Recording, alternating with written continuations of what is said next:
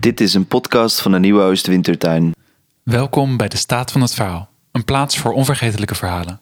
Ik ben Chris Lomans En ik ben Smita James. en in deze podcast van de Nieuwe Oostwintertuin ontmoeten we normaliter elke maand iemand die een verhaal bij zich draagt. Wij zijn ervan overtuigd dat iedereen wel een verhaal bij zich draagt dat een podium verdient.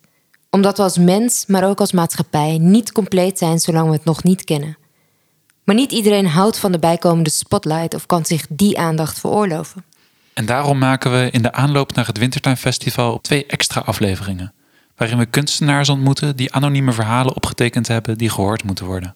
Ja, en in deze laatste extra aflevering ontmoeten we Naomi Grant, een auteur, spoken word artiest, die in gesprek is geweest met iemand die anoniem diens verhaal wilde delen.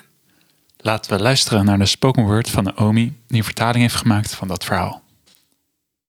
Wat zou je doen als je op een dag thuiskomt en je vader zegt dat je niet meer mag lachen? Dat je plezier verboden is? Wat als je niet weet wat je kunt verwachten, je iedere dag in angst leeft omdat je vader is veranderd in een stalker? Het begin van mijn tienerjaren was ik stil. Ik luisterde, observeerde lange tijd met een gesnoerde mond, maar de wrok in mijn keel begon pijn te doen, hevig te steken. Er zat een energie vast, een geluid dat ik altijd al in mij had. Het wilde uit mij breken. Ik kon niet anders dan er gehoor aan geven. Plezier zou vanaf dat moment een vaste plek krijgen in mijn leven. Ik leerde anderen dansen. Een vrijheid die door mijn lichaam stroomde. Ik speelde de DJ op schoolfeesten, liet de verzoekjes binnenkomen, ontving ze met de grootste lach die mijn gezicht kon toveren. Ik was mezelf aan het worden. Het meisje dat ik altijd al had moeten zijn. Vrolijk, vrijmoedig, vrij. Met een leergierige geest is kennis vergaren mijn genot. Ik vind het leuk. Het ging mij altijd makkelijk af. Jarenlang ben ik student geweest. Ik deed een studie hier, nog een studie daar, ging van bedrijfskunde naar communicatie, tussendoor allerlei baantjes. Ik had genoeg energie. Bij alle functies populair en geliefd, een manetje van alles, voedde mijn brein bij de vleet. Tot de dag arriveerde waarop leren ineens onmogelijk leek. De autodeur vloog open. Ik was al veel te dichtbij. Voor remmen was het te laat. Ik knalde tegen de autodeur, op volle snelheid. Pijn, kan ik me herinneren. De felle pijn. Kneuzingen over mijn hele lichaam. Een hersenschudding, zeiden ze. Licht kon ik niet verdragen, ieder geluid was te veel. Daar lag ik dan in mijn bed, mijn wereld op stil, pijn, felle pijn, de hele tijd.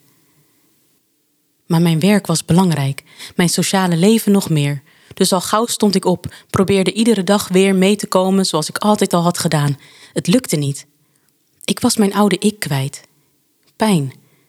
De felle pijn. Het herstel was niet gemakkelijk. Ging ook niet zo voorspoedig als was voorspeld. Ik had na een aantal weken mijn werk weer volledig moeten kunnen oppakken, maar ik werd door mijn eigen lichaam gekweld. Ik haperde, stamelde, struikel nog steeds wel eens over mijn woorden. Ik begreep niet wat er aan de hand was. Om mij heen begonnen mensen zich aan mij te storen. Van eens zo populair en geliefd, iedere afdeling wilde mij hebben, naar binnenkomen zonder goedemorgen, zonder fijne avond, weer vertrekken. Geen gesprekken meer in de wandelgangen. Samen lunchen was ook voorbij. Ik werd dom gevonden, niet meer bruikbaar. Al past dat niet bij mij, ik kon niet meer volledig meedraaien in de maatschappij. Dan ben je af. Moet je aan de kant.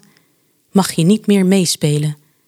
Ik werd behandeld als een stuk vuil, zo naast de prullenbak gesmeten. Verdwenen. Mijn oude ik was verdwenen. Ik was vermoeid, had zoveel pijn, in een depressie beland. Vocht tegen momenten waarop ik niet meer wilde leven. Wat voor zin heeft dit nog, heb ik gedacht. Ik kan geen uitdagingen meer aan. Dat was mijn manier om met plezier te leren.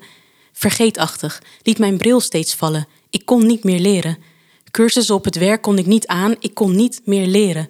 De woorden kon ik in mijn hoofd niet meer vinden. Ik kon niet meer leren. Leren was ik. Ik kon niet meer leren.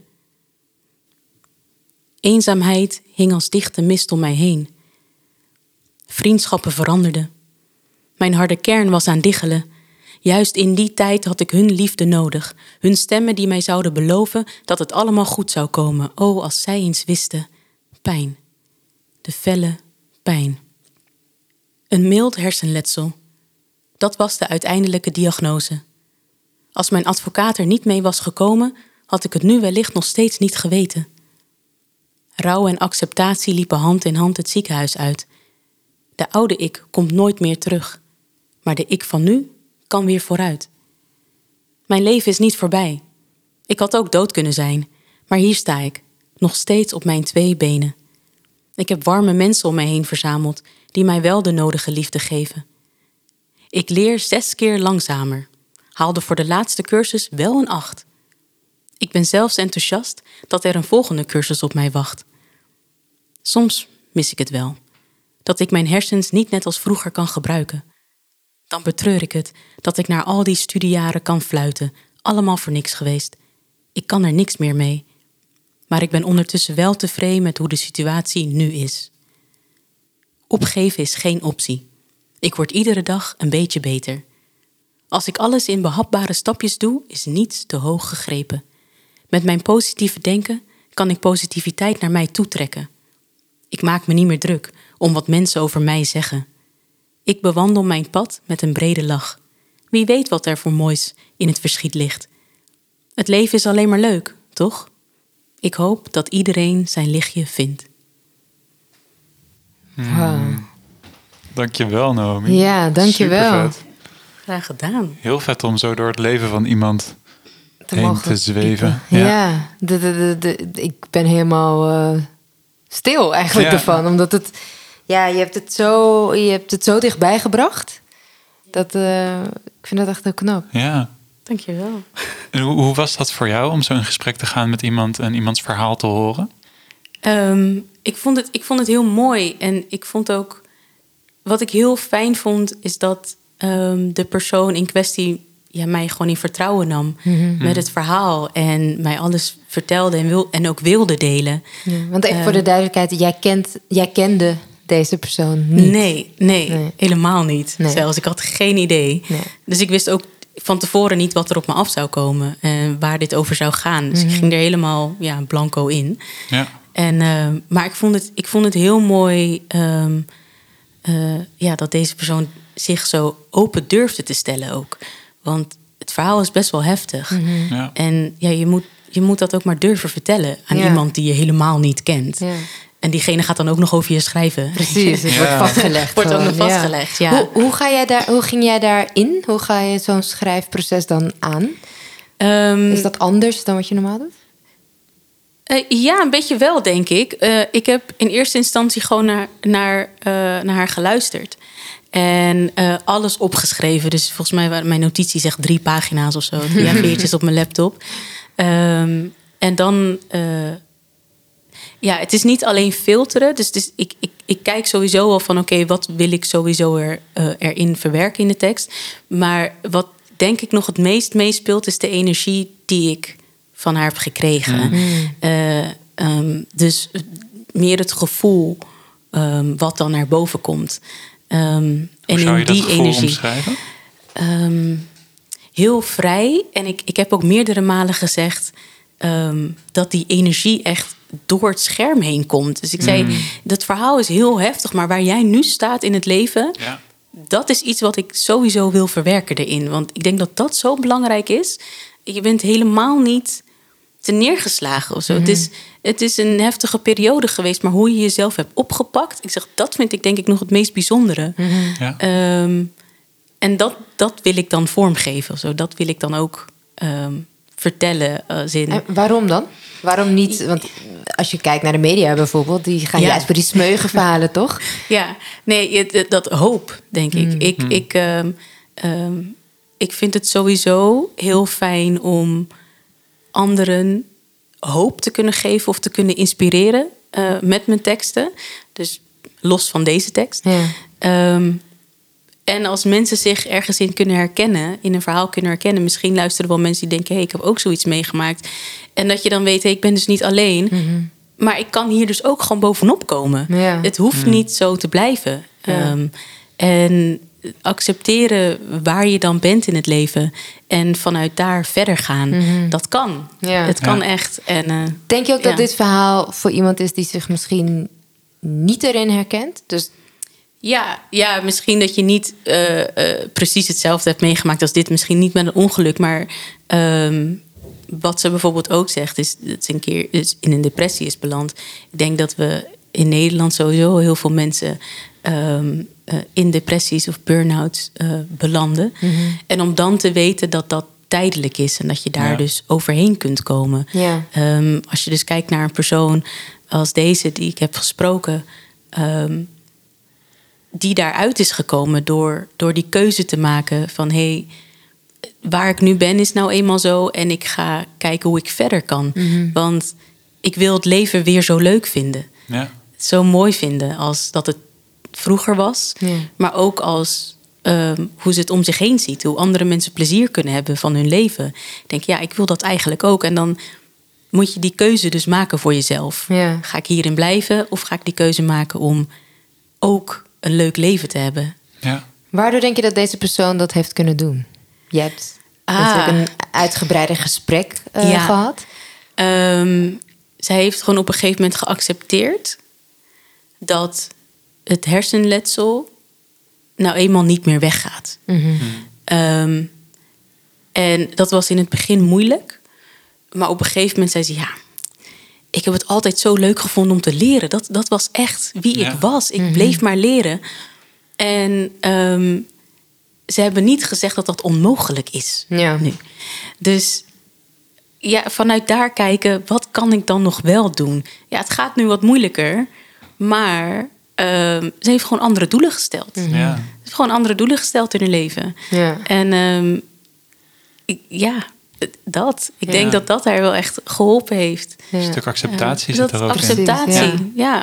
Ja, wat, Wat ik ook nee. bijzonder vind aan het verhaal... eh, en ook wel heftig is dat het ook... Het geeft ook een soort van kwetsbaarheid weer. Het kan iedereen zomaar overkomen. ja. Precies. Ja. Dat.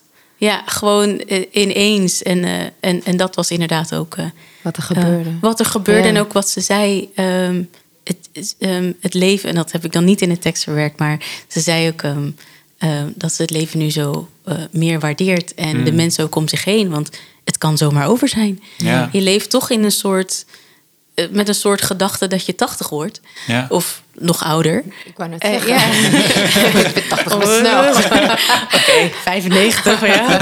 Ehm, maar dat je dus dat, dat dat helemaal niet zo hoeft te zijn. Ja. Eh, Precies. Het take it for granted. Precies, het kan iedere dag ineens over zijn. En dat is ook iets waar zij dus nu mee leeft. Dat ze zegt, iedere dag is weer een nieuwe dag en een mooie dag dat je er weer bent.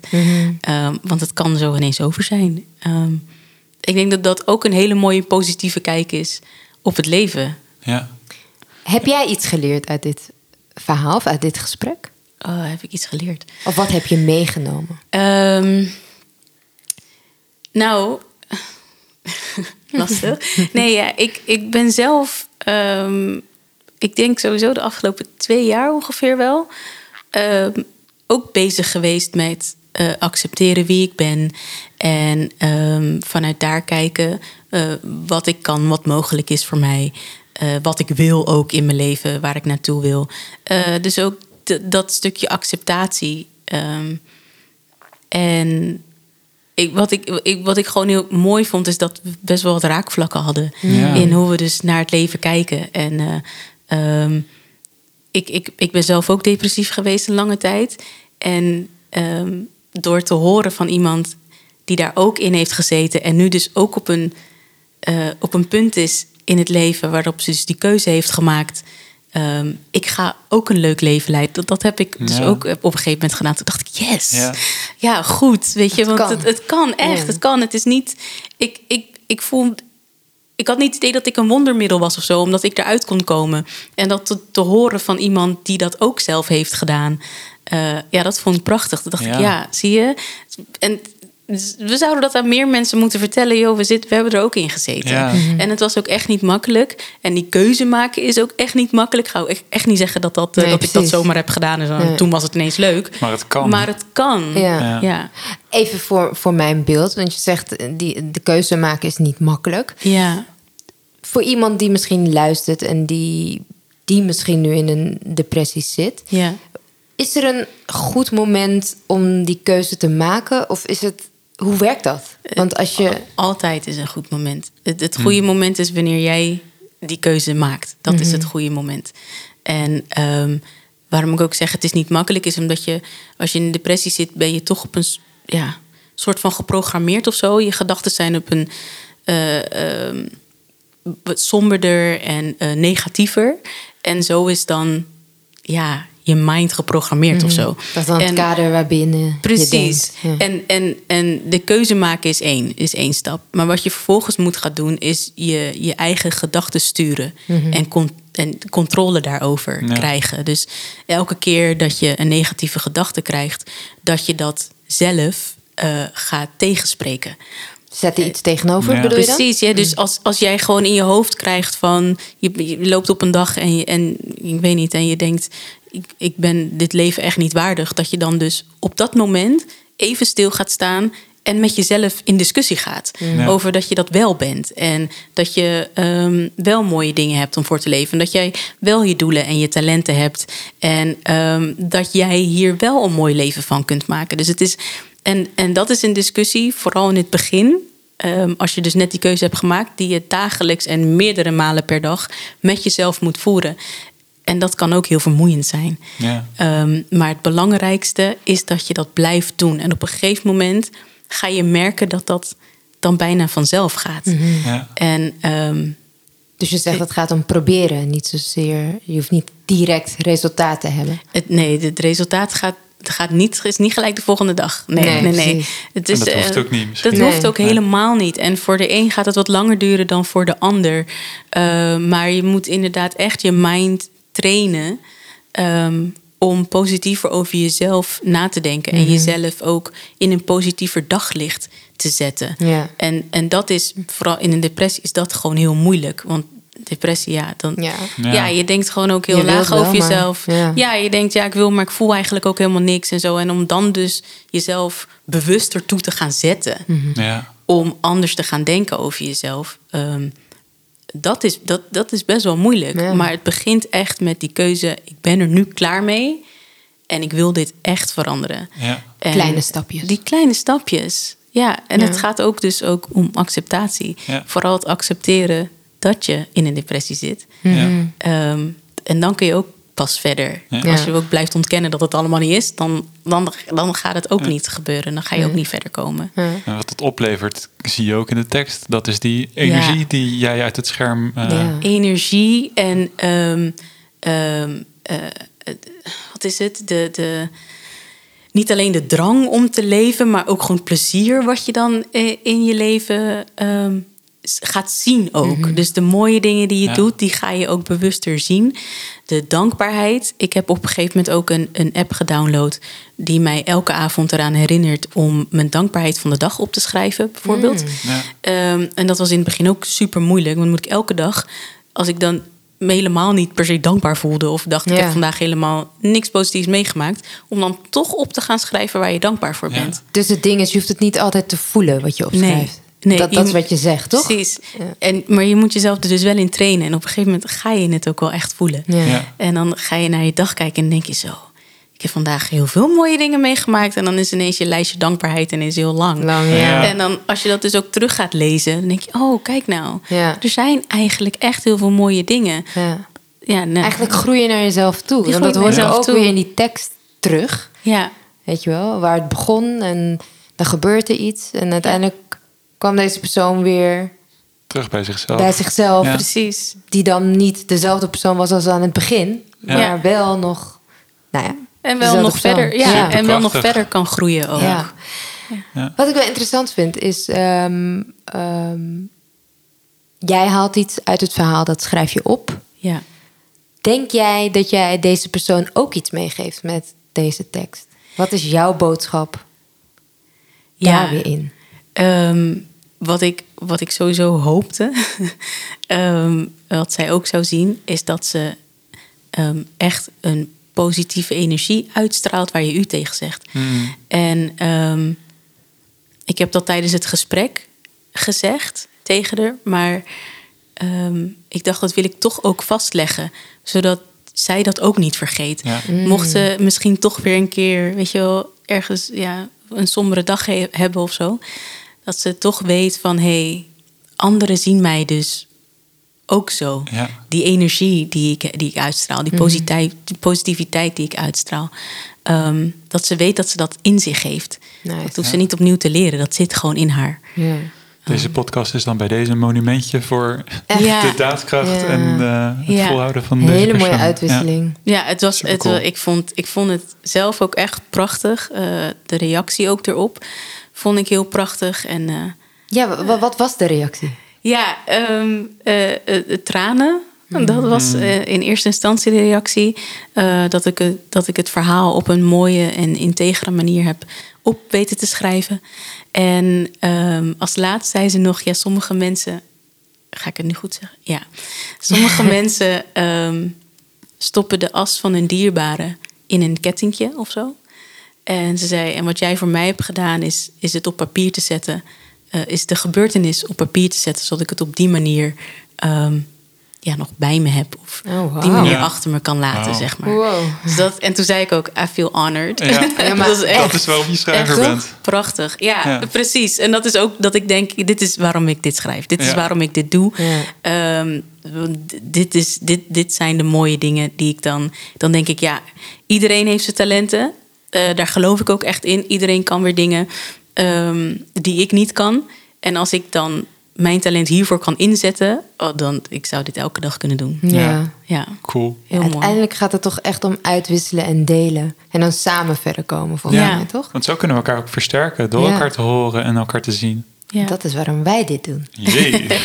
Hey, Naomi, super thanks Heel dat je dit eh, met ons wilde doen en eh, voor ons wilde doen. En niet, dat Ja. bedoel ik niet Chris en ik, maar voor de samenleving. ja. Ja. Ja. So thanks. jullie Nogmaals. bedankt dat ik dit mocht doen. Ik vond, ik vond het heel mooi om te doen. Ja.